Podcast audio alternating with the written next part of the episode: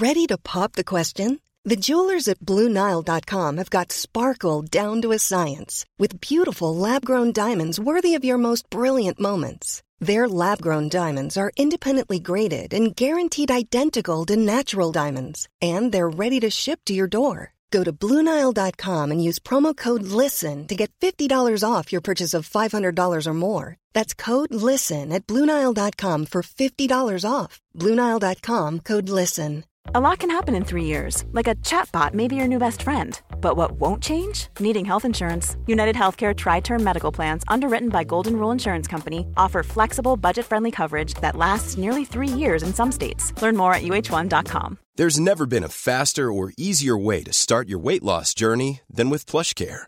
PlushCare accepts most insurance plans and gives you online access to board-certified physicians who can prescribe FDA-approved weight loss medications like Wigovi and Zepbound for those who qualify. Take charge of your health and speak with a board-certified physician about a weight loss plan that's right for you. Get started today at plushcare.com slash weight loss. That's plushcare.com slash weight loss. plushcare.com slash weight loss.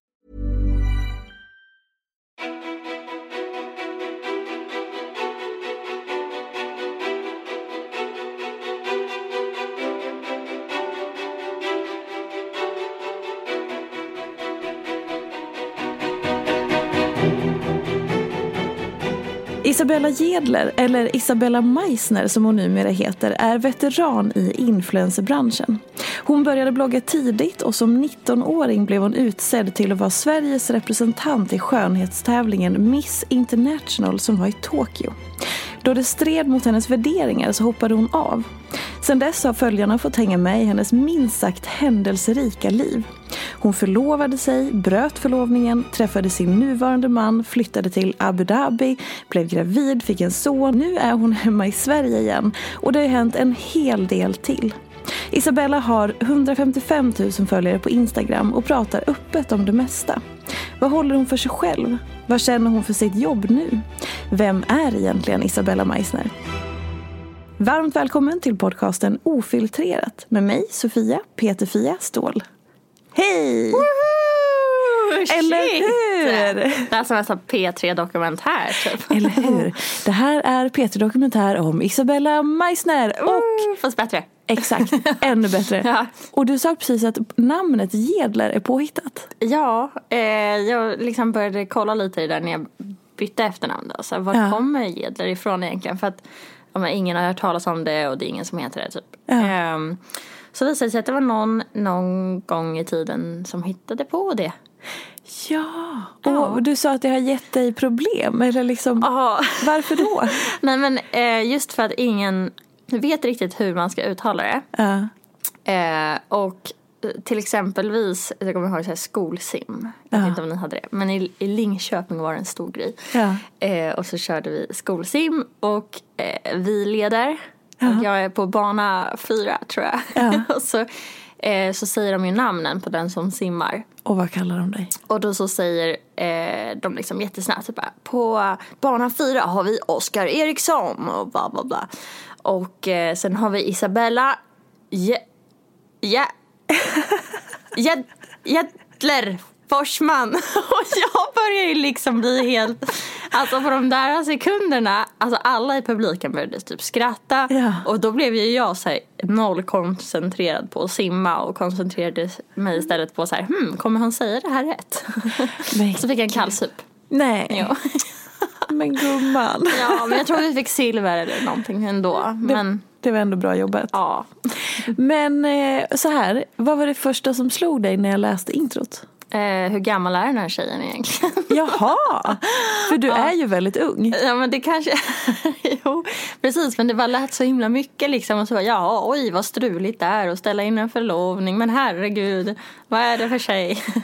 Var det liksom negativa? Det var inte så att så här, wow vad stolt jag blir, vad mycket jag har gjort. Utan mer då så här, vad fan. Var det så? Nej det var väl lite, jag menar så här, oj jaha ja just det det har jag ju gjort också Ja. ja. Eh, så livet går ju så snabbt så man glömmer lite vad man har hunnit med. Mm, exakt. Eh, men om vi ska börja någonstans, för det måste man ju alltid göra. När jag eh, googlade, bara för att jag måste alltid googla mina gäster bara för att se vad är det första som dyker upp. Scary. Ja, har du gjort det någon gång? Uff. Lite, ibland. Ja. Men jag försöker inte göra det. Men, och då var det första som dök upp, eller något av det första, dels var det ju det här med förlovningen. Eh, men sen var det också det här med ingrepp, alltså eh, vad heter det, fillers och sånt. Så det var en ganska stor grej att du hade mycket fillers och sen så tog du ut dem och gjorde liksom ett statement. Kan du inte berätta om det? Eh, jo, ja, men jag tror att allt började lite... Jag flyttade till Stockholm när jag var 19 år och 24 timmar gammal. Eh, och, eh, jag tror att jag var ganska... Eller jag tror inte, jag vet att jag var väldigt vilsen. Och eh, alltså jag behövde ju bygga upp en hel identitet. Eh, liksom vänner, jobb, eh, pengar, allt. Alltså det var ju som att jag var nykläckt liksom. Eh, och så kommer man till Stureplan typ Ja. eh, med en skolbuss i princip och bara så här, välkommen, här är ditt nya liv. Eh, och det mm, finns mycket att göra och, och sen så gjorde jag typ läpparna för jag tyckte det var lite coolt för att ingen i, i Linköping gjorde någonting och jag tyckte de var lite liksom tråkiga på något sätt. Jaha. Så då tror jag att det var, jag vet inte, men det började väl bli någon form av statement att ehm, att jag testade grejer liksom. Och sen så gick det verkligen överstyr. och, eh, och jag trodde väl hela tiden att om jag bara gör en grej till då kanske det blir som jag vill liksom. Men sen så slog aldrig tanken mig att om jag tar bort allting då kanske allting blir som jag vill. Och vad var, det, vad var det du ville uppnå eller vad var det du sökte i den känslan? Liksom att det här vill jag göra för att då kommer jag känna mig så här. Ehm, jag tror att på något sätt låter ju jättedeep det här. Men, Det är ofiltrerat, så ja, kör på. precis. Nej men när det är så mycket som händer och sånt. Mm. Eh, alltså jag gick ju igenom eh, inombords ett stort form av typ trauma och liksom känna sig eh, bortvald på många sätt hemifrån och liksom det var en jättejobbig tid liksom. Ehm, och då för att liksom klara av att ha ett normalt liv också på något sätt. Liksom, men jag måste ju ta mig till ett jobb, jag måste jobba, jag måste prestera 110% där och så.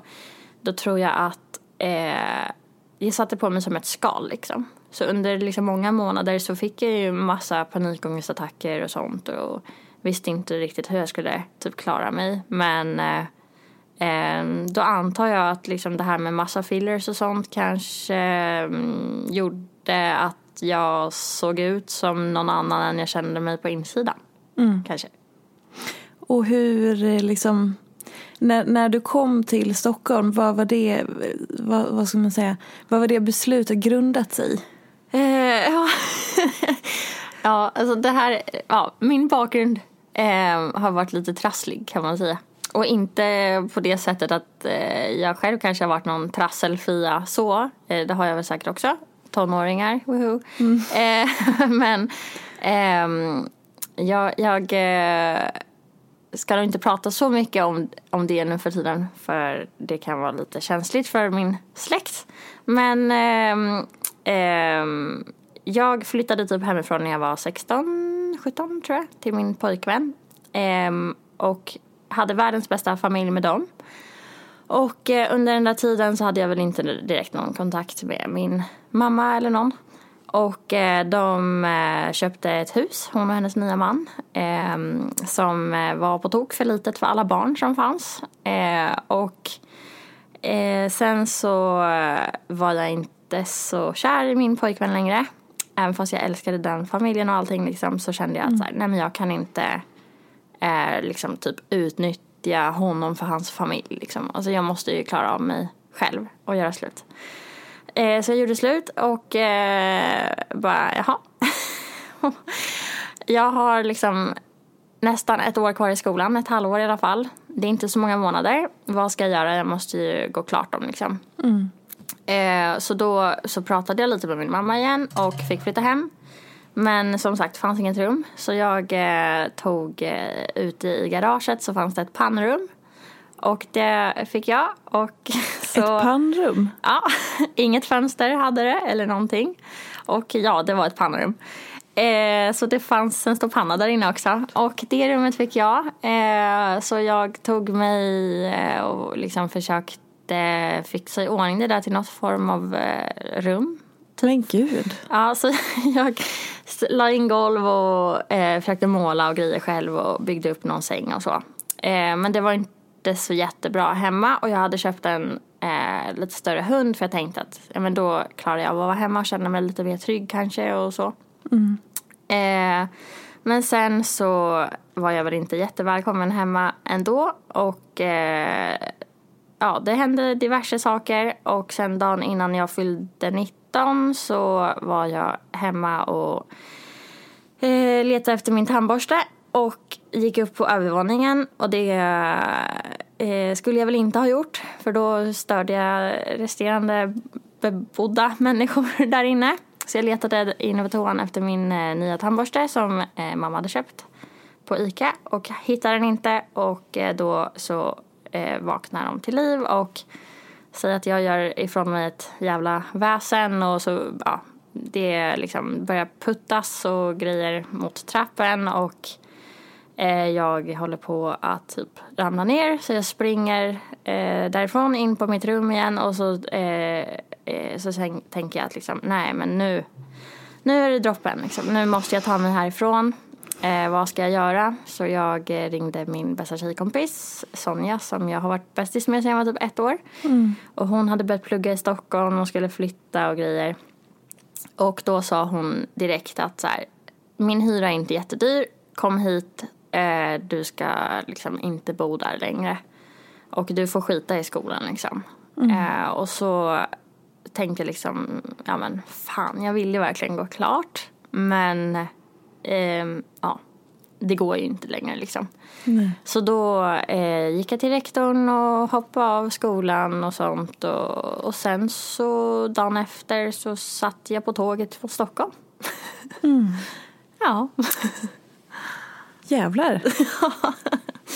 alltså, eh, jag vet inte vad jag ska säga. Som, eh, ja. Det, det blir bara mer och mer spännande att höra mig själv prata om det varje gång jag pratar om Hur det. känns det att prata om det? Det um, ja, det, på något sätt så känns det, eller på många sätt som att jag har tagit mig vidare därifrån. Men varje gång jag pratar om det och inte pratar om det kanske exakt lika mycket som jag gjorde det nu, mer en liksom berättelse, så blir det ju lite jobbigt. Ehm, men jag ska faktiskt på ett retreat i sommar en vecka som handlar om just barndom och sånt.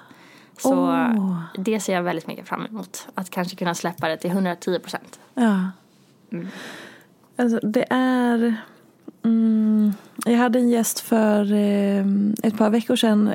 Jag, vet, jag är inte säker på att vi har släppt det avsnittet nu när vi släpper det här. Men, men i alla fall, eh, Julia Adams heter hon, en artist. Eh, och hon berättade att hon eh, har, eh, inte har relation till sina föräldrar längre. Och att hon har liksom valt bort den relationen. Och, och så här, varje gång som, som någon vågar prata om just alltså relationen till nära människor eh, oavsett om det är familj eller föräldrar eller släkt eller så att så här, det är okej att man har andra versioner av det man ser i samhället som är någon slags ideal. Att det är så här, oh men det är så himla gulligull och sådär. Men så är ju inte verkligheten. Ehm, så tack för att du liksom att du också delar med dig. För det är så viktigt att nyansera bilden av olika, alltså både uppväxter och relationer och sånt där. Mm. Ja men precis, vissa de, eh, de eh, förstår ju definitivt inte hur man kan bryta med sin mamma liksom. Och där håller jag med dig om. För att det är så jäkla mycket svårare att bryta med någon som är så nära som du liksom har, du är, alltså ni båda är typ programmerade för att älska varandra. Eh, och liksom att ta sig från en destruktiv, eller ett destruktivt förhållande med en kille kan vara extremt svårt. Att bryta med ett destruktivt förhållande med typ den enda personen som är programmerad att älska dig är ännu svårare. Eh, och så nej, hur kan man bryta med till exempel sin mamma? Eh, I don't know. Det är svinsvårt. Men om du tänker att du borde så borde du antagligen. Och eh, då hoppas jag att du klarar av att göra det. För om du nu känner att du behöver bryta med din mamma så behöver du nog definitivt göra det. Och ehm, ja, nej, alltså just, just do it. Det är Ja. svårt men ja. Ja men och att så här, det alternativet finns ju. Men Ja. man kanske tänker att det inte finns för att det är ganska tabu eller det är ganska ovanligt då. Mm. Ehm, så att jag tänker att inom, jag vill inte lägga någon förebildshatt för det känns så totalt meningslöst det här. Men ändå att, här, att vara en röst som man kan relatera till om man är lite i, i liknande situation. Mm. Ja fan vad, jag blir jätteberörd. Ja. I och med att jag också har en dotter. Eh, Ja. Och så här, det blir så... ehm, ja, Nej, man förstår verkligen inte. nej. Det ehm, Nej men ja, det Och sen också från Från min sida så Jag hamnade i någonting där typ Min mamma var alltid såhär Jaha, haha, vem ska du berätta det här för och ingen kommer tro dig. Alltså så. När jag var framförallt tonåring då kanske.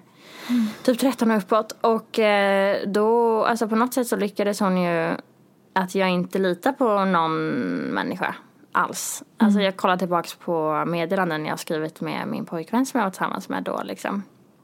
Och där skriver jag ju att, eh, ja men, eller jag, han, han är ju lite så här, men du måste ju liksom testa och berätta för den här personen eller liksom så. Och då skriver jag ju så här, men alltså de kommer inte tro mig, du förstår inte, men liksom det är så det funkar. Och eh, så gjorde jag när jag blev gravid själv. Eh, då började jag få jätte- jättemycket mardrömmar igen. Så det var som att allting som jag liksom har tagit mig vidare ifrån kom tillbaka och det var svinjobbigt. Eh, och då så tog jag tag i alla saker jag har undrat över. Så då skrev jag en lång text till bland annat min biologiska morfar och, eh, och några till och så. Eh, och om vi säger som så att min biologiska morfar skrev eh, att det jag inte har konkreta bevis för ska jag passa mig att säga för att då kan jag bli anmäld för förtal. Wow.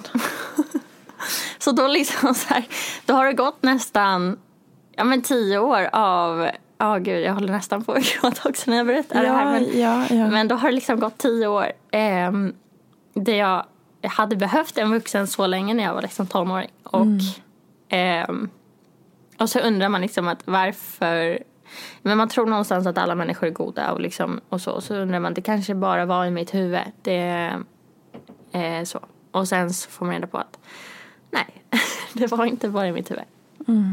Eh, utan jag var ensam på riktigt liksom. Så det var ju bara ännu mer jäkla tur att jag tog mig därifrån. Så kan de ha sin lilla påhitte klan. Och inte bara tur utan så jävla starkt av dig. Alltså modigt och starkt. det är svårt. Ja. Ja.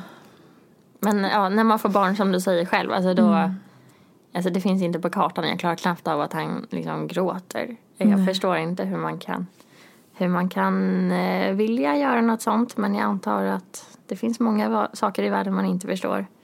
Eh, och speciellt när man får barn då, då tänker jag mer så här, vill jag att de ska vara en del av hans liv? Ja, och då blev svaret absolut inte. Så då blir jag ju lite starkare tack vare han också. Liksom. Ja jävlar. Ja, Alltså, ehm, men återigen. Alltså, trevlig tisdag. Nej, ja men alltså det är så viktigt. Alltså, f- alltså så viktigt. Och jag är helt övertygad om att det hjälper jättemånga. Ehm, så tack. Tack. Ehm, men jag tänker också, du satte fingret på någonting som var så viktigt där när vi inledde. Just det här, du sa att ehm, eh, det här med att du eh, genom att göra de här eh, skönhetsingreppen liksom någonstans tänkte att då kanske jag ser ut som någon annan. Jag, kommer, jag kan inte citera Ja. exakt hur du sa men att, att det var ändå att du strävade efter någonting som var lite bort från din verklighet om jag tolkar det rätt. Ja, långt bort ifrån mig verkligen. Exakt. Eh, och jag tänker att det där är en sån viktig påminnelse just i det samhället där vi lever. Där vi ser liksom väldigt så här, eh, men, så här, vackra människor på Instagram som ser så perfekta ut. Och de har liksom, man kanske tänker att de har allt. Och ofta så ser man ju också flera människor som man i sitt huvud tror är en människa som är så himla lyckad. Ja. Ehm, och då är så viktig, så en viktig påminnelse att så här, ja, det är klart att jag säger inte att alla människor som gör fillers mår dåligt, det är inte det jag säger, men jag menar bara att det finns ju alltid nyanser av allting och Verkligen. att varje människa har sin historia oavsett vad man ser, som du sa, skalet. Ja. Ehm, Okej, men om vi fortsätter lite grann där och sen när du hade flyttat in till din kompis eh, Sonja Mm. och hela nya, liksom, nu är det en helt ny värld här.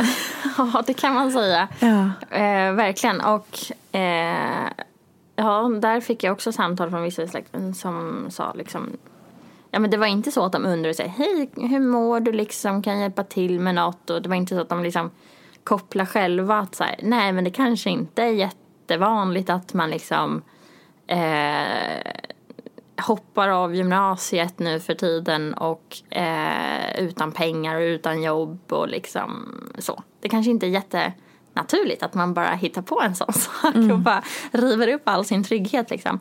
Eh, så istället för att bara säga, ja men liksom hur mår du, kan vi hjälpa till med någonting eller, eller så liksom. Då var det bara, hur kan du bryta med din mamma? Och det är inte naturligt, alla behöver ha sin mamma. Och du vet så. Och man bara, mm, nej. Eh, om du liksom, precis som du säger, alla behöver en mamma, ja. Men om du bryter med henne, då antar jag att det är någonting som är fel. Liksom. Men inte så. Så då eh, var det en ständig kamp där och försöka bara ta sig vidare. Och eh, jag skaffade ett jobb. Så jag satt på tåget eh, från Linkan då. Och eh, eh, var lite panikslagen för jag hade dragit på mig en, en hyr, hyra. Eh, Men jag hade inga pengar in. Hade jobbat väldigt mycket tidigare på nattklubb och gjorde kalas och grejer. Så, men det var väl kanske inte jättemycket pengar liksom. Och eh, så hade jag fått något mail för att jag hade börjat blogga. Eh, och, och tidigare så vågade jag inte riktigt blogga och då bloggade jag mest om typ, ja men jag vet inte, cheerleading och sminktips.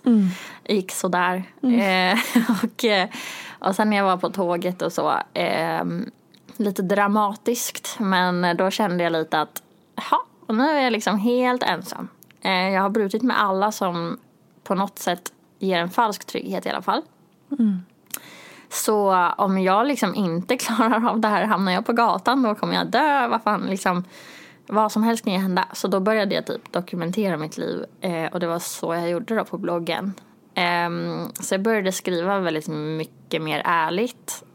Ehm, och liksom, ja men man fick följa mitt liv på riktigt. Att så här, nej idag har jag, har jag inte råd att handla på ICA typ. Vad gör jag då? Eller liksom. Berättade du bakgrunden då också eller var det Ehm, mer här och nu? Ja, jag berättade bakgrunden några gånger men inte så mycket och ingående för att liksom det blir krig. Eh, och jag, eh, det var liksom en, det var lite så här, okej, vill jag identifiera mig som ett problembarn eller vill jag bara lyckas identifiera mig på något sätt där eh, det första man tänker när man ser mig är inte Eh, oj, vilket eh, tufft liv hon har haft. För att, eh, jag ville inte vara en tjej med ett tufft liv. Jag ville vara tjejen som var ordningsam och typ eh, ville bli jurist. Alltså du vet så. Eh, så det var lite en avvägning mellan hur mycket fokus ska jag lägga på det här. Samtidigt som att så här, eh, ja men man kan typ inte skriva om exakt allting heller. För eh, ja, alltså det är omöjligt för mig att kanske ha bevis från saker som hände när jag var sex år till exempel. Ja, det fattar ju vem som helst. Ehm, men ja, det är ju kanske det man behöver om man ska skriva helt öppet om en sak. Liksom. Alltså det, är en, det är en svår avvägning. Och jag skrev väl lite om sånt. Ehm, bland annat en grej då så fick jag ett, ett ganska hotfullt sms eh, på min födelsedag där det stod då från eh, no names eh, nämnda men eh, mannen i huset att typ eh, han vill aldrig se mig inomhus igen och eh, vill jag ha mat så kommer eh, min mamma eller lillebror ut med det till mig. Till pannrummet då. Ja, för det här var när du fortfarande bodde där. Ja, och det, jag bodde ju bara där några månader. Det funkade ju liksom inte. Eh, men eh, ja, liksom att så här, jag får bo kvar där tills jag tar studenten. Och då var det tre månader kvar tror jag. Men eh, han vill absolut inte se mig och jag ska hålla mig undan och allt vad det var. Och då tog jag en printscreen på det. Eh, och la upp då på bloggen på min födelsedag ska jag säga, ja men grattis eh, på 19-årsdagen Bella, smiley. Alltså, så, så. Eh, för att liksom, jag tyckte det var så jävla sjukt liksom. Och, Och när, man, när det är ens vardag då går man ju runt och tänker lite så här, alltså är det här verkligen normalt? Det måste finnas något annat. Och då tror jag att jag la upp det lite för att just få höra från andra att fan vad sjukt det här är. Ehm, så det blev ju lite min räddning också att skriva så öppet om det för att då fick man ju mer inom parentes normala människor som talade om för mig att så här, nej du ska inte ta det där, det är inte normalt, det finns något mer normalt. Ehm, och eh, jag fortsatte med det, sökte jobb, eh, hade fått någon så här bloggförfrågan, någon som ville sponsra mig med något mjukissätt typ. Ehm, och då svarade jag typ att ja men det får ni jättegärna göra. Eh, har ni ett jobb också? och, eh, och det hade de. Eh, Ja. Så då fick jag så här typ, ja, fyra timmar om dagen eller någonting sånt. Vilket inte alls var så mycket. Det var knappt det, det var typ fyra timmar om dagen, två dagar i veckan eller någonting. Ja. Eh, så ringde jag min pappa i Norrland och berättade om det här. Ehm, eh, och han bara så här, nej men det är ju alldeles för lite, du kommer aldrig kunna betala hyran på det där liksom. Och jag bara, nej men jag har jättebra känsla, jag, jag har tagit det liksom. Eh, och han bara, "Ha, okej. Och jag hade ju inget annat att göra så jag jobbade ju över hela tiden och liksom gjorde det bästa ifrån mig. Och på bara några veckor så var jag heltid och några veckor till så fick jag bli butiksansvarig och några veckor till fick jag öppna en ny butik. Eh, och så. så då gick det liksom rätt snabbt. Ja. Typ. Eh, och då bloggade jag om det. Och på bara några veckor efter allting så jävla sjukt så hade jag typ 65 000 unika läsare i veckan tror jag. På bloggen. Eh, och jag kollade inte på min statistik för jag tänkte ju mest att det där var ju bara min dagbok. Ehm, och sen så började jag bli inbjuden till typ galer och liksom events. Och jag bara så vad, vad händer? Eh, och sen så blev jag uppbjuden till liksom huvudkontoret på den bloggportalen och de bara, ja men eh, vill du ha de här sponssamarbetena, vill du ha de här och de här? Och jag bara så här, vad händer? Och de Ja. bara, ja men du har ju typ 65 000 unika. Jag bara, va? Ja, och på den vägen var det. Alltså, ehm, man kan säga att du liksom vände allting, Ja, precis. eller? Ja, Ja. det kan man nog definitivt säga Ja. att jag var. Och sen kom då den här tävlingen. Precis, alltså jag hoppade ju på allt. Eh, jag försökte liksom lära känna mig själv samtidigt som att här, jag hade ju inget att förlora alls. Så eh, vad den kom för förfrågningar, typ någon, eh, ja men som, det var någon killkompis då som jag hade träffat eh, några gånger bara. Som eh, var lite halvartist eh, och bara, ja men vill du vara med i vår musikvideo? Du får inga, alltså, bara, vi har inga pengar för det är liksom, ja men vi är upcoming, men eh, vill du vara med? Och jag bara ja, let's do it! Och, och sen så var det en fotograf som hade lärt känna för jag började modella då för den här butiken också. Ja. Och fotografen där han tjatade på mig jättelänge att jag skulle vara med i, i det här för att jag har en sån liksom, intressant historia och vem jag är och bla bla bla. Jag skulle passa så himla bra. Och jag sa liksom hur länge som helst nej, nej, nej, men det där är inget för mig och så. Eh, och sen så hörde han av sig innan, eh, ja men säg att han hörde av sig på typ torsdagen eller någonting. Och så skulle vi åka iväg en helg då eh, med Miss Universe-grejen. Som ett bootcamp typ, eh, inför finalen. Och han bara, du kan, eh, du får hoppa in som ett wildcard. Jag bara, nej men alltså jag, jag liksom, det där är nog inte för mig. Ehm, och sen till slut så sa han, jo men kom igen det blir superkul och vi ska göra det här och liksom vi ska iväg på det här spahotellet en helg och ja, så. Han bara, du har ju ändå inga planer i helgen. Jag bara, nej det har jag faktiskt inte. eh, och sen så, så sa jag, ja ja men okej, ja, men jag testar väl på det här liksom. Ja. Hoppade jag in i det där eh, över helgen. Så typ på 24 timmars notice liksom var jag helt plötsligt inne i finalen. Eh, och eh, gick där och allt var inbar. Eh, och så helt plötsligt så skulle liksom vinnaren dras, typ. Ja. Och sen så, ja men jag vet inte, det var två titlar. Det var typ fotogenik och den bara, "Åh, Isabella Gedler. Och jag bara, yay! Då tänkte jag så här, ja men den här titeln betyder ju ingenting. Ja. Ehm, gud vad kul. Och sen eh, så bara, ja, och sen nu ska vi dra Miss International. Och då bara, Isabella Gedler igen. Jag bara, va? så. Ja. Och de bara, ja det är första gången en tjej får två titlar. Jag bara, eh, jaha okej. Va, vad händer nu? Och de bara, ja men du ska åka till eh, Tokyo. Jag bara, va? så jag, så här, jag bara, nej. Ja. eh, men sen, jaha okej, ja, ja det blir väl spännande liksom. Eh, det får jag väl göra om jag har liksom hoppat in i leken. Får jag väl, får jag väl köra på liksom. Så tog det väl några månader och Eh, sen åkte jag till Tokyo och jag tror man skulle vara där i fyra, fem veckor eller någonting. Och jag kände väl direkt typ, eh, ja men man åkte dit, det var liksom mycket ordning och reda och så. Men det var, jag tror jag landade typ tre, fyra eller någonting på natten som jag kom till hotellet. Och eh, de tog oss emot och vi gav bort våra pass och sånt. Jag tänkte att det var lite konstigt men eh, ja ja, typ. De kanske bara behöver det för att checka in liksom. Så visade det sig att de skulle ha det för hela vistelsen. Jättekonstigt. Jättekonstigt. Men jag bara så ah, okej, I'm 19 years old, whatever. De kanske liksom är bra. Eh, och sen så sa de ju direkt att eh, ja men programmet börjar imorgon, säger så här halv sju på morgonen eller någonting. Ja, och då tänkte jag direkt, ah, okej, ja, klockan är tre nu, nice, do the math, men okej.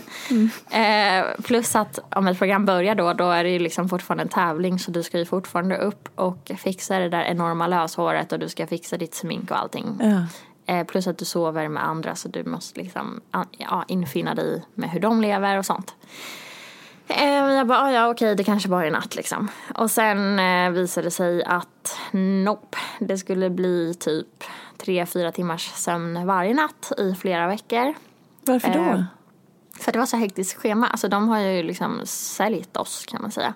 Så vi åkte ju runt i hela Japan eh, varje dag och liksom invig, jag vet inte vad, fabriker, vi invig eh, restauranger och du vet så här, man ska bara stå där från morgon till kväll, åka runt på ett ställe typ varannan timme.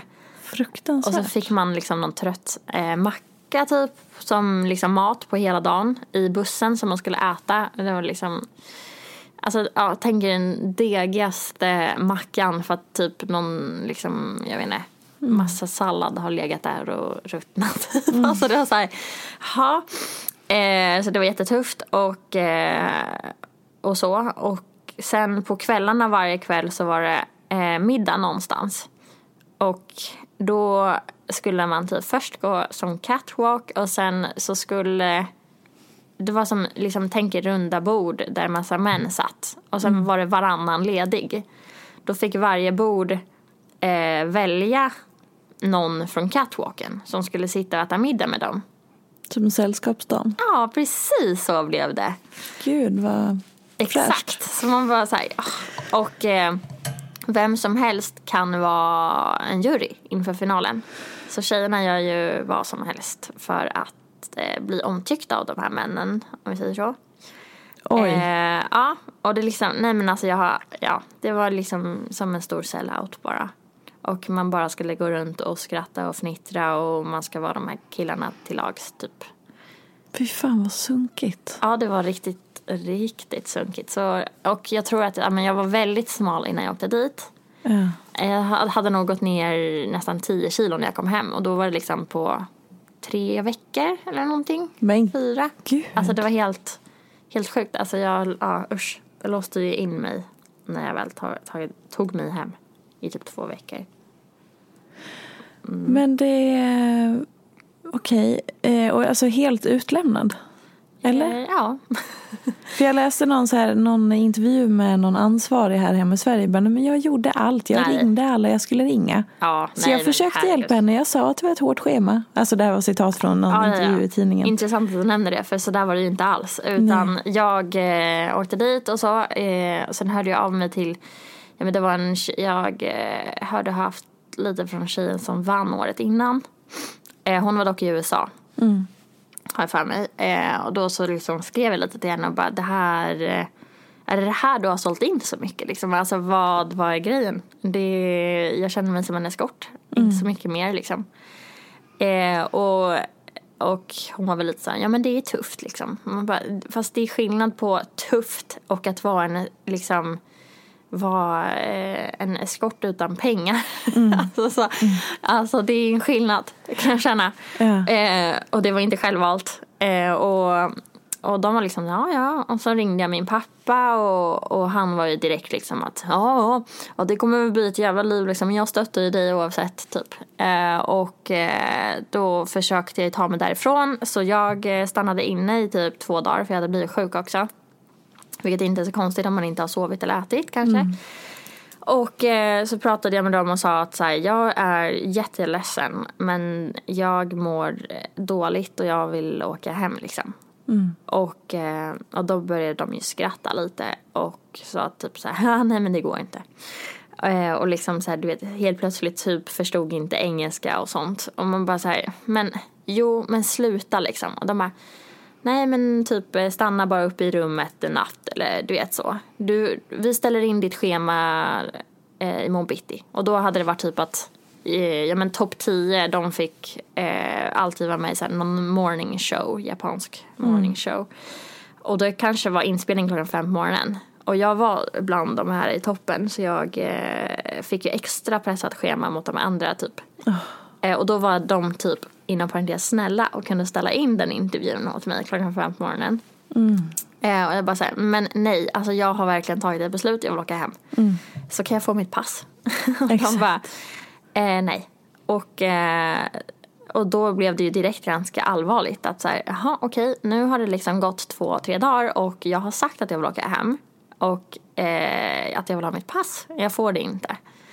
Och eh, det blev någon form av krismöte och jag var inlåst på mitt rum eh, och alla tjejer var iväg ute i landet och reste omkring och invig saker eh, och sen så blev jag nedkallad eh, till ett rum. Då kom det bara någon och knackade på och hämtade mig eh, i mitt rum då och så gick vi ner till typ garage-ish. Okay. Och sen var det något hemligt typ rum där som ett konferensrum. Så jag gick där liksom helt själv och bara hmm, trevligt om jag typ blev dödad nu skulle inte... Nej men man men börjar ju tänka liksom ja. så här nu är Japan ett väldigt säkert land men ja, man fick ju sina eh, rädslor kan jag säga. Samtidigt som ja. jag var lite så här, men liksom fuck off då. typ. Ja. Då får jag väl dö då, men då tar jag hedligt typ. Eh, eh, och så blev jag inkallad till det här rummet och då satt det typ kanske sex män där inne runt ett bord. Och eh, satt och skrattade åt mig och liksom att jag typ inte pallar trycket och sånt. Eh, och försökte liksom håna mig. Och jag spelade med och bara så nej, nej men ni har helt rätt. Eh, ja. Jag pallar inte trycket liksom. Ja. kan jag få mitt pass? Exakt. Och de blev ju så här, va? Alltså så här, jaha okej, vad ska vi göra med henne liksom? Eh, mm. Så de försökte ju hoppa på de här mobbningsfasonerna men de funkar inte så jättebra mm. på mig. Och sen till slut, då sa jag hela tiden bara att så här, eh, alltså ni har mitt pass emot min vilja. Ni har mig emot min vilja i ert land det är typ kidnappning. Mm. Kan jag få mitt pass? Mm. Och sen till slut så eh, fick jag det. Eh, och jag höll mig inne och letade efter flygbiljetter och sen smet jag ut eh, mitt i natten och eh, drog till flygplatsen. Och eh, tog första planet hem.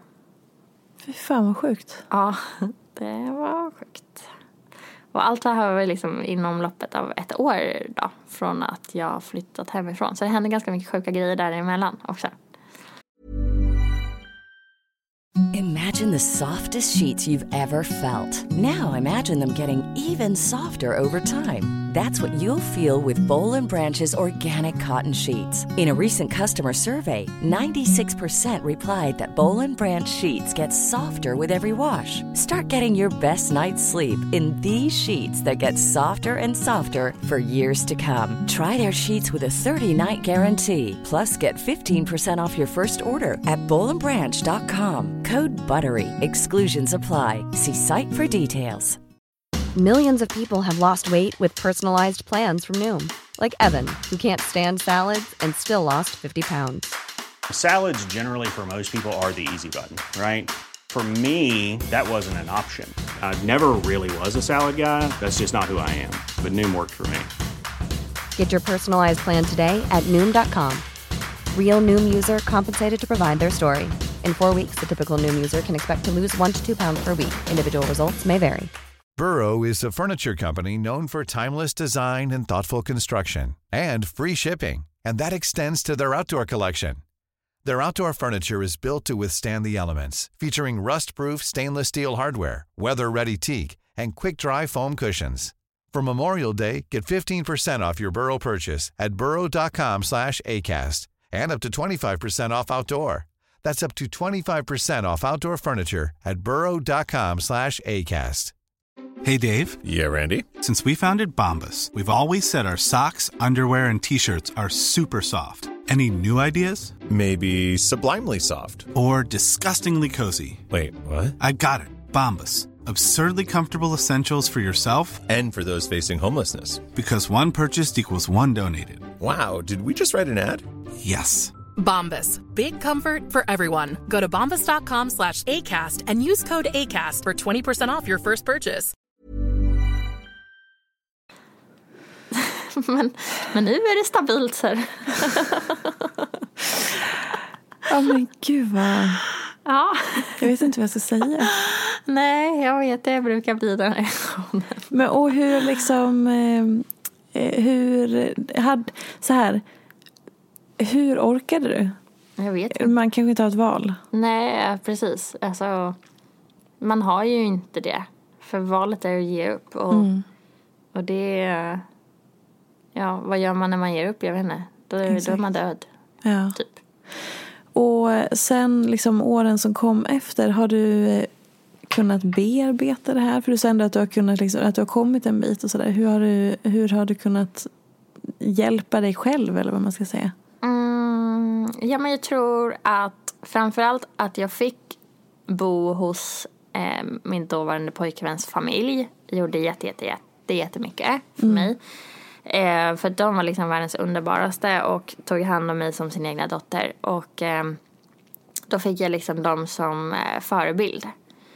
Eh, och ja, men många av mina vänner de kommer ifrån eh, eh, vad heter det? Ja, men, funktionella familjer. Så jag har ju haft eh, många sådana omkring mig och så har jag helt enkelt hittat på i mitt huvud att jag är en av dem. Typ. Eh, så att jag har liksom försökt lite att ta efter från dem eh, och så. Och på så sätt tror jag att jag har fått liksom styrka att det är den personen jag är egentligen. Och sen har jag försökt att skapa ett liv eh, som är så. Som jag ville vara helt enkelt. Ja. Och hur ser det ut nu då, idag? ja, men det är exakt så jag vill ha det. Fast det, jag hade tänkt att man bara njöt som eh, mamma men det har varit alltså, en riktig berg dalbana. Som sagt, jag trodde att jag har bearbetat, för jag har gått hos olika psykologer och, eh, och någon cool tant och så genom alla de här åren som jag bott i Stockholm. En cool tant. Ja, en cool tant. Det började med att jag och mitt ex gick i eh, parterapi och så hade vi hört eh, om henne, hon är väl typ 70 någonting, 75 kanske. Ja. Eh, I fet villa, på, eller vad säger jag, fet lägenhet på så här, Östermalm när man glider in där. Alltså så här, man bara wow, vem är det här liksom? Eh, och så, eh, så sa hon direkt typ, eh, vi var där tillsammans då. Eh, sa hon, ja, till mig går man en och en liksom. Eh, nu vet jag vad era problem är. Så, så, så, sa hon till mig typ att jag var en, en eh, latt, bratt, bratt latte någonting kallade mig. Jag vet inte. Vid första anblicken eller? Ja, eller nej men alltså vi hade suttit där och pratat lite. Vi pratade Ja. om våra, våra problem och jag kommer ihåg att jag var väldigt sur över, alltså på mitt ex då, så här, hur han typ hade friat till mig. Ja. Att det var liksom så här, för mig var det så himla övertramp. För att jag tyckte att, att eh, men jag tyckte liksom att jag har gjort allt för han. Eh, så mycket mer än han förtjänar. Och sen så bara liksom på typ den, en av de viktigaste dagarna i vårt förhållandes liv så, så gör han så. Liksom what the fuck. Vad gjorde han då? Det låter ju sjukt ytligt men, men skitsamma. Det är Ja, trots allt ofiltrerat. Ja, ja, men vad gjorde han? Nej, men... ehm, eh, men han, eller jag hade typ fixat, jag tror vi hade inte varit tillsammans så länge. Men eh, han hade betydligt mer pengar än mig. Eh, betydligt mer pengar än mig. Alltså både på banken och lön. Och eh, jag typ fixade, jag tror han hade fyllt år och jag fixade jag vet inte, massa fina presenter och sånt. Gjorde någon nice middag med någon överraskning och grejer. Eh, och att eh, ja, men jag hade fixat en, en resa tio dagar tror jag till typ Marocko, alltså Marrakesh typ. Och så här, ja, men vi bodde på två jättefina hotell och så här jätte, jättebra fixat. Så du Eh, hade fixat och betalat allt det? Ja, ja, ja. Trots Eh, att, okej. mm. Ja, Nej, men så det var liksom det. Och, och så, eh, ja, men jag var inte så gammal här, kanske 20 då. du har ju vilket kaos jag Men då är det här bara ett år efter? Ja, typ. För att du var 19 sen? Ja, precis. Ja. Ja, så du hör ju själv. Ja. Eh, och eh, ja, men han var ju väl en omtalad typ fuckboy på Stureplan. Så Oj. alla var ju lite så här, men, alltså Bella jag är rädd. Alltså vad händer? Vad håller du på med? Ja. Och eh, ja, det kan man ju kan man säga vad som helst om i efterhand. Men så, jag säger bara att jag var ung. Ja, ja. Och eh, sökte väl någon form av själv, självdestruktivt förhållande kanske. ja. Eh, för att liksom spä på eh, min barndom. Varför inte liksom. Eh, och så fixade jag allt det här och eh, så åkte vi dit eh, och eh, alltså det här kommer låta så ytligt men skitsamma. ja men, Men- ingen värdering Nej, men- i något. Och liksom så här, ja, ehm, han hade fixat jättefint eh, när vi kom dit, kommer jag ihåg. Det var typ så här massor eh, rosor i hela rummet och gud vet vad. Och jag tänkte så här, shit, kommer han fria nu? Vad fan händer? Så jag ringde min bästa tjejkompis då och bara så här, hjälp, alltså jag tror han kommer fria och jag är inte redo för det alls liksom. Ja. vad fan ska jag göra?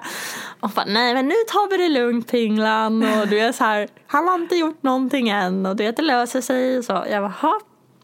Och eh, eh, sen vaknade vi på morgonen och han bara så här, ja men du, eh, imorgon kommer vi åka iväg på en, eh, en surprise typ. Han bara, okej. Han var så liksom, eh, gör så du känner dig fin.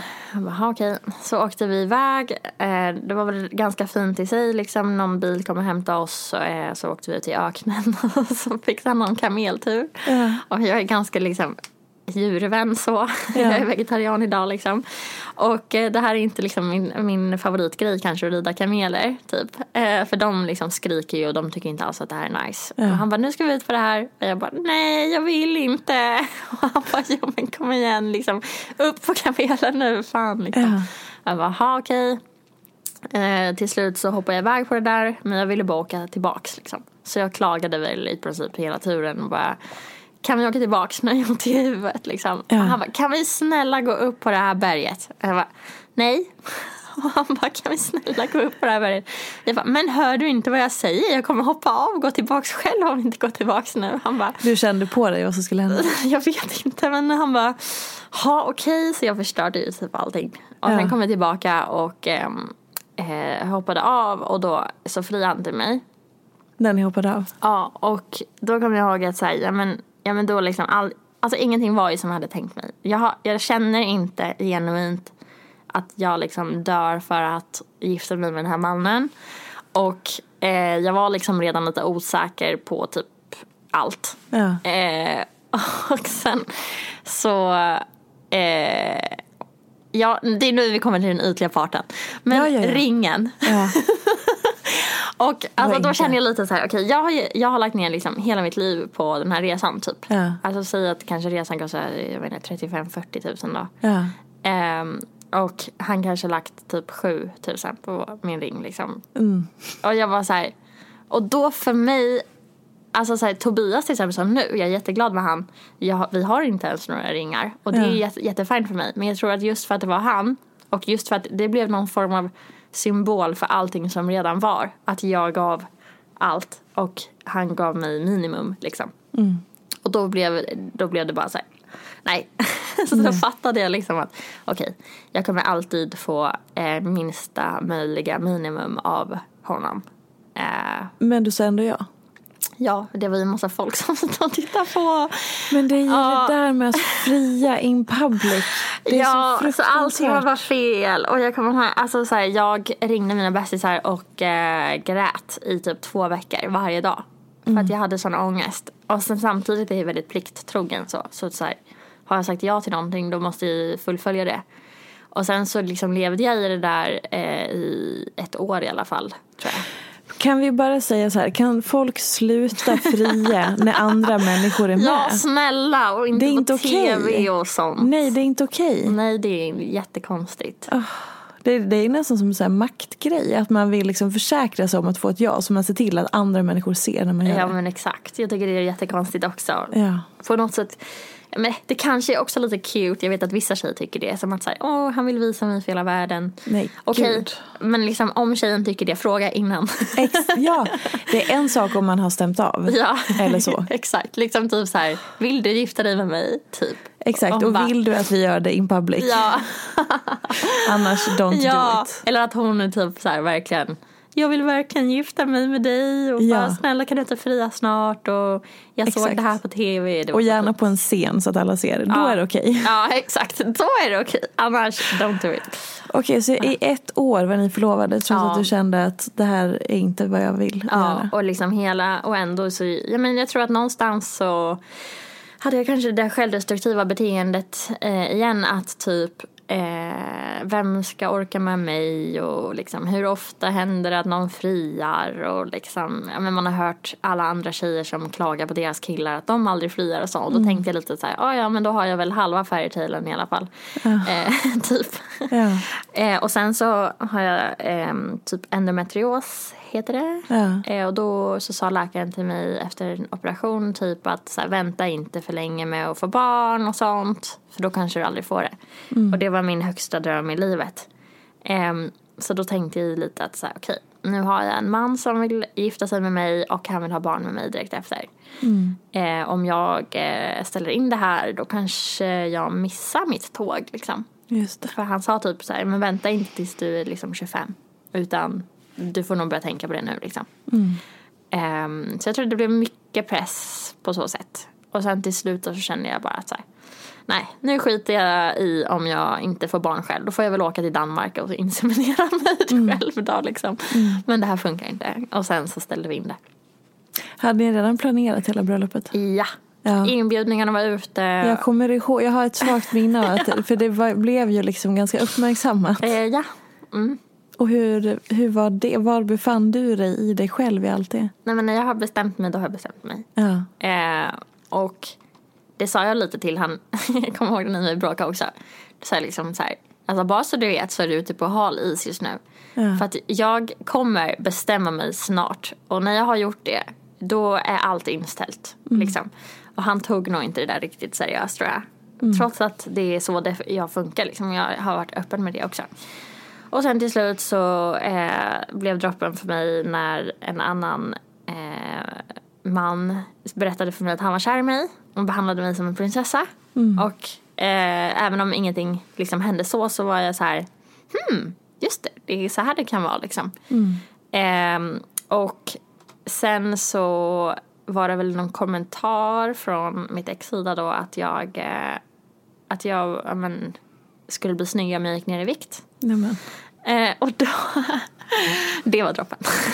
det förstår jag. Det blev droppen. Och han har sagt i efterhand liksom att så här, ja, men han är jätte, jätte ledsen över det och liksom att han tycker fortfarande att jag är den liksom vackraste som finns och så att det där var bara hans egna osäkerhet. Och han vet det idag liksom. Ehm, så jag vet att han egentligen inte menar det. Men det blev fortfarande droppen att säga nej men så här mycket issues, det, kan, det funkar liksom inte. Ehm, och eh, då sa jag typ att ja vad trevligt men då tror jag att du får ta och hitta en annan tjej och sova i soffan i natt. Och sen så, eh, ja så ställde vi in allting. Eller ja, jag gjorde det. Och så ringde han typ fyra, fem veckor senare och sa Jaha okej men vi kanske borde meddela våra gäster. Då sa jag det har jag redan gjort. Det har du redan gjort. För fyra veckor sedan. Exakt. Oh my god. Ja. Ja, Kaos. men nu så upplever man ju att det inte är så mycket kaos. Förutom Nej. då såklart nybliven mamma och det är ju kaos i sig. Det är ju så här att ha bebis och spädbarnstid och allt det där. Men det, jag upplever Att du inte har så mycket kaos just nu. Nej, och det tycker jag Är det fortfarande en- är konstigt. Är det en korrekt känsla eller upplever du kaos? Alltså om vi, Nej. om vi tar liksom småbarnslivet åt sidan. Ja. Liksom. Nej, alltså jag blir... Ja, men, Tobias då, som min man heter. Vi hade träffats i en paus som jag och mitt ex hade Ja. för flera år sedan. Han är dansk-tysk och var i Sverige och jobbade några år. Och eh, samma natt som, som jag och mitt ex hade sagt typ att nej men vi har en, en paus i dejtandet. Det här var innan han fria.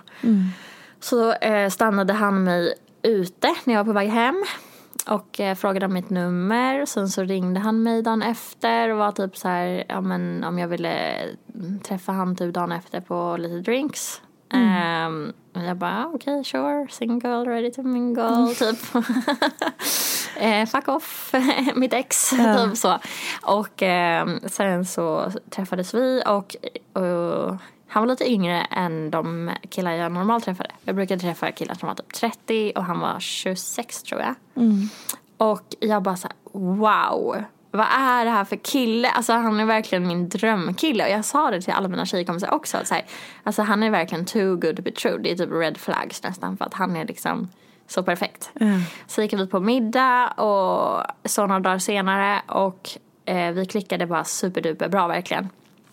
Och, eh, eh, och sen så gick det liksom till och med så långt att jag då sa till mitt ex när han ville komma tillbaka att så här, nej men jag, jag är ledsen men nu är det färdiglekt liksom. För att jag kommer gå vidare. För att jag har träffat en kille som eh, jag faktiskt tror jag vill satsa på.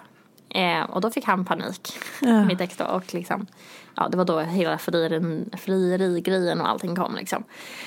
Eh, och sen så hördes jag och Tobias inte på eh, flera månader. Så sågs vi ute någon gång och han kom fram och frågade när vi skulle ta den här lunchen typ. Eh, och jag bara så här, ledsen men det kommer nog inte hända. Så visade jag min hand liksom att jag var förlovad. Eh, och då sa han typ eh, well, eh, typ eh, actually I don't really care about that because I know that you're gonna be my wife someday typ. Han bara so just call me when you're ready. Och så gick han. Oh my god vad dramatiskt. I love it. Som en film. Ja men det var exakt som en film och jag bara men oh yeah right typ. Och då sa, då så sa jag något jättedrygt typ så bara I guess you will have to wait for a lifetime then. Och så gick jag typ. Oh my god jag har så mycket rysmärr. Och så gick jag med mina tjejkompisar ute på toaletten och bara så här, typ skrek och bara fan! Alltså jag vet att han har rätt. Och han bara, men alltså du är helt tappad Bella. Du ska ju gifta dig med en annan kille, vad håller du på med? Oh och jag bara God. säger, ja men jag är bara inte redo för den här typen av kärlek. För att den här är liksom, Ja. den här är inte lika stormig, eldig upp och ner utan det här är liksom Det här är mer eh, frisk kärlek. Ja. Eh, och eh, vi har väl pratat på 73 timmar nu. Ja men det är så. Bara fortsätt. Eh, och då så, eh, mm, ja vart var jag? Nej men, eh, Ni- Ni var på toaletten och du sa att du var inte redo. ja men precis. Och sen så, eh, ja så hördes vi typ inte efter det. Och jag tänkte på honom jätte, jätteofta. Eh, och visste typ att så här, vi kommer gifta oss bara jag är redo för han liksom. Typ när jag är 50, när jag har gjort mitt trasiga liv, typ. Då är jag redo för den här liksom kärleken. Och, eh, och sen så liksom gick det ju ett tag och han hade flyttat till Abu Dhabi och allt vad det var. Jag visste inte riktigt det. Men eh, sen när jag gjorde slut då med mitt ex så tog jag min sista väska, gick ut ur lägenheten och samtidigt då så får jag en sån här vink på Facebook. Och då är det från Tobias som bara såhär, hej hej, typ jag är i Stockholm, eh, ska vi ta den där lunchen du ställde in? Och han visste inte att ni precis hade gjort slut. Nej. Nej. Så jag bara, alltså skämtar du med mig att du skriver till mig just nu? För att jag gick precis ut med mina sista grejer från lägenheten. Så det kan vi göra liksom. Han bara, eh, ja nice, typ bra timing. Eh, och sen så sågs vi ehm, och typ ja, direkt så var han så här, vill du följa med till Barcelona och typ ville spendera hela sin semester med mig och så. Eh, och jag var fortfarande så här, men gud, alltså han är verkligen fortfarande too good to be true. Ja. Och alltså mina kompisar bara älskar honom och var men samma där liksom så här, bara, är det här för snubbe liksom? Eh, bara sån man liksom som verkligen tar hand om en och du vet så här, man står och duschar typ, han kommer in med liksom en drink eller typ ett glas vin. Alltså det var verkligen så här. Man bara, det är någon dålig typ film eller vad händer liksom.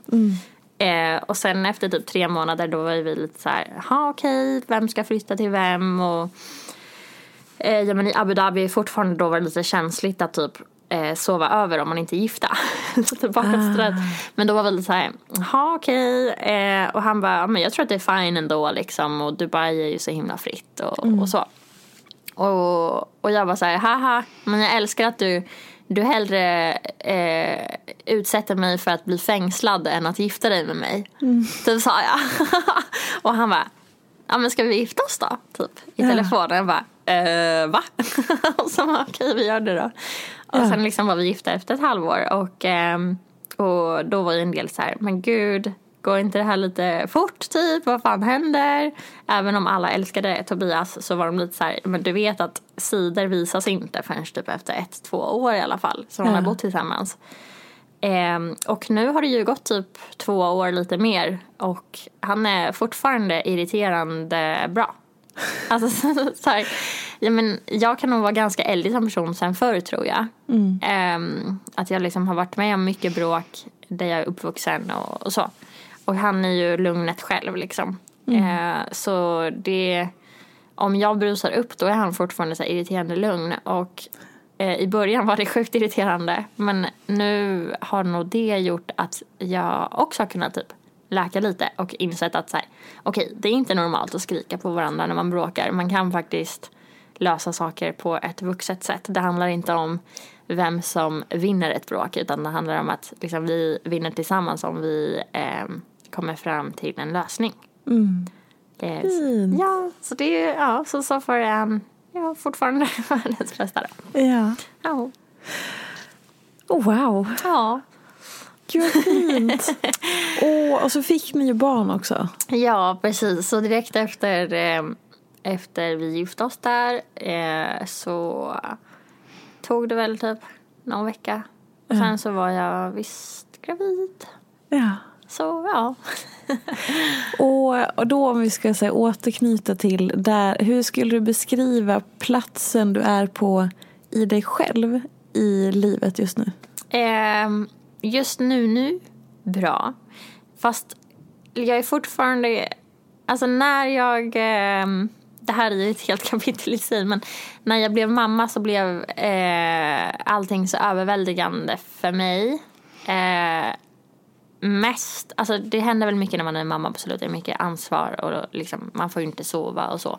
Men jag tror mest det var liksom att det här, uh, shit liksom. Ehm, jag vill inte att någonting ska hända någon i min familj. Ehm, och speciellt inte den här lilla korven. Liksom. Så jag, jag började väl få lite så här kris och var typ så här, ska vi flytta till Island?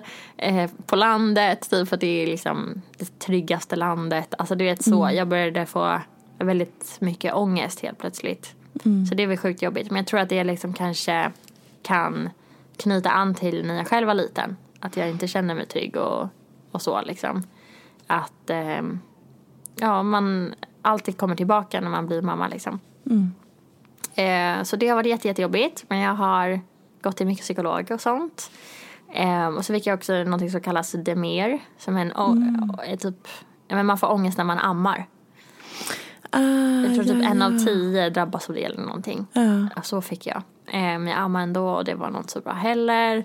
Så jag började få så här, konstant ångest. Eh, men sen typ någon månad tillbaka så men då slutade jag med p-piller och började tänka mycket på hormoner och eh, ja, och sånt. Och då har det varit ganska bra. Och nu är det sommar och så. Och nu kan jag njuta av mammalivet på ett helt annat sätt. Ja. det, det är bra. Så just nu, nu är bra plats. Och du håller på att sluta Emma också. Ja, precis. Ja, hur känns det? Eh, det är hjärtskärande. Men eh, ja, jag tror att det, det kommer bli bra liksom. Eh, ja, om man, man låter det ta sin lilla tid tror jag. Mm. Eh, och så. Det är ju alltså som jag sa precis innan vi började spela in, bara gud att sluta amma var en hel liksom, historia i sig. Med, som jag inte alls var beredd på själv eh, i det. Men, eh, men jäklar, alltså eh, jag bara känner tacksamhet för att du ville berätta eh, vill dela med dig och berätta och sätta ord på allt det här. För att jag tror att det är eller jag är helt övertygad om att det dels hjälper många och sen också det är så viktigt. Alltså i den här världen vi lever i så är det, alltså vi började någonstans i så här okej okay, men eh, liksom ingreppen, eller ingreppen, ja. men liksom fillers och så. Och att så här, det är nog, det hoppas jag att man kan ta med sig, att så här, den påminnelsen om att så här, alla människor har sin historia och också det här med att man, när man sitter på Instagram så tror man att typ hundra personer är en perfekt person. Ja, absolut Att våran hjärna gör om det. Liksom att så här, det är så viktigt att påminna sig om att och det leder mig in till nästa fråga mm. som alla mina gäster får. Mm. Att allt inte är som det ser ut. Ja. Och då är frågan som alla gäster får, vad är inte som det ser ut? Tycker du? ja du. Eh, Helt fri tolkning. Ja, vad är inte som det ser ut? Eh, jag vet inte, det är väl ganska mycket egentligen. Men eh, eh, någonting som, om vi tittar på mitt ytliga jag då och min Instagram nu så skulle jag säga att någonting som kanske inte är som man tänker i alla fall är ju definitivt eh, min kropp nu för tiden. Ah. Eh, för att jag har fått liksom bristningar typ hela magen och runt hela boobsen liksom. Och eh, jag kan absolut lägga upp det någon gång liksom, alltså någon bild typ nära liksom på story typ och så. Mm. Eh, och sen i flödet då eh, tar jag inte bort dem. Men de försvinner ju lite från tanken med liksom filter och sånt. Just det. Eh, och sen är det ju klart liksom att Eh, om, om det ska vara en fin bild så kanske jag inte bara framhäver eh, mina bristningar liksom på det bästa sättet. Mm. Eh, för att jag saknar ju att inte ha dem liksom. Mm. Eh, om man ska vara ärlig. Så det skulle jag säga att så här, nej men jag, jag har nog en, en mer typical mammakropp än vad man kanske tänker. Mm. Ja, det kanske det är då. Och så här, vad, där så här, hur vad ska man säga, hur mycket tänker du runt att, så här, vad du väljer att posta och inte? Eller det är klart att det är medveten val, men så här, hur, hur, hur, resonerar du kring vad du publicerar och inte? Eh, ja, det är en, en avvägning hela tiden. Precis som, ja nu har det väl förändrats lite, men för något år sedan i alla fall så märkte man när liksom algoritmen började komma in på Instagram. Mm. När man började tänka lite mer på post per post och inte kanske mer det här fina flödet. Och typ, mm. Det här är en nice juice, den postar vi liksom. Mm. Utan, om man såg det så var det ju selfies som funkade bra. Och nu är det ju det som är typ oftast helt perfekt som är så här wow, som har mm. funkat mm. bäst ibland för mig. Eh, och då är det väl lite det som man har tyvärr eftersträvat, i alla fall i bilder då. Och sen på Eh, på stories så försöker jag lite mer vara lite loose och skön. Typ mm. så här. att ja, nu postar jag den här nice bilden men eh, typ eh, så här känner jag mig just nu. Mm. Och eh, här är eh, min mage. Mm. ja men typ. Ja. Nyansera det lite grann mer. Ja, mm. eller precis. Jag försöker vara lite mer loose på story. Mm. Liksom. Och om vi bara så här ska avrunda, vad skulle du vilja säga till de som har lyssnat på det här avsnittet? Hmm. ja, vad vill jag säga? Ja, jag vill säga att eh, eh, nu har jag glömt bort det specifika citatet som jag tycker är så himla bra. Men eh, typ att om, eh, om du tänker att du förtjänar bättre så mm. gör du säkert det. Mm. Det är mm. ett bra citat tycker jag. Verkligen. Det stämmer väldigt bra. Vad fint. Och att, eh, som du sa, så här, våga ta dem. För det är något om man tittar på ditt liv och det du berättar om. Så här, så här, du har ju vågat så här, bryta upp och börja om och göra annorlunda. Och också hela den här grejen med Tokyo och liksom hela den. Så våga göra annorlunda även om man har sagt ja till någonting så kanske det, man upptäcker att det är fasen inte rätt. Jag får ombestämma mig. Jag får välja annorlunda. Verkligen. Alltså livet är, som jag såg det redan då, att så här, Mm. ja men folk kanske tycker att jag verkar vara strulig för att jag inte stannade kvar i Linköping, för att jag inte gick i gymnasiet som alla andra och för att jag inte eh, gifte mig med min barndomskärlek och levde livet ut eh, och jobbade i en fabrik. Det, liksom, det blev ju helt klart en, en helt annan typ av upp och ner-resa med Jaha okej nu ska jag åka till Tokyo, nej nu vill jag inte vara i Tokyo, åker jag hem och nu ska jag gifta mig med den här killen, nej men nu vill jag inte gifta mig med den här killen. Alltså det låter ju rörigt. Men livet är ju en resa tycker jag. Eh, och liksom varför ska man inte eh, lära sig av sig själv fullt ut bara för att man är rädd för att man är lite strulig. liksom. Hellre att man då är lite nyfiken tycker jag och eh, liksom bara säga ja men det här verkar intressant. Och sen så är det helt okej att nej men jag lärde mig att det var visst inte intressant. Men hellre att jag har lärt mig att det inte var intressant för mig än att eh, jag aldrig vågade testa.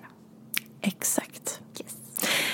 Tack så jättemycket och följ Isabella på Instagram. Som Snälla, gör det. Isabella, ja du heter fortfarande Isabella Gedler där fortfarande. Ja, det gör jag. Och vad kan man mer, kör du YouTube nu? Nej. Ja, typ inte. Nej. Är, Ehm. är det någon, någon annanstans man kan få tag på dig? Alltså, Framförallt Instagram. ja framförallt Instagram. Jag Ja. har lite annat men det har inte prioritet tyvärr. Ändå rimligt med tanke på att du har en ny, ny bebis där hemma. ja. Men tack så jättemycket för att du var med och Tack delade med dig och berättade allting. Och tack för att ni lyssnar och vi hörs nästa vecka helt enkelt. Puss och kram, hej då! Hej då! Följ mig gärna i sociala medier. Jag finns på Instagram som peterfia och bloggar på peterfia.se. Jag blir så glad om du vill recensera den här podden, prenumerera och lämna gärna önskemål på gäster. Vi ses i sociala medier. Ha det gott så länge. Hej då! En podd från Allermedia.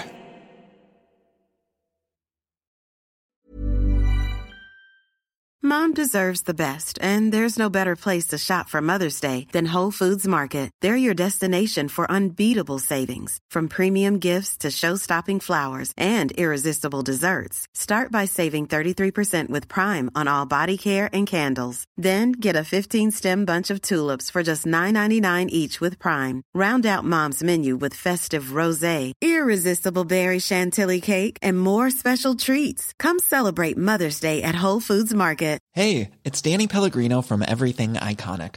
Ready to upgrade your style game without blowing your budget? Check out Quince. They've got all the good stuff shirts and polos, activewear, and fine leather goods, all at 50 to 80% less than other high end brands.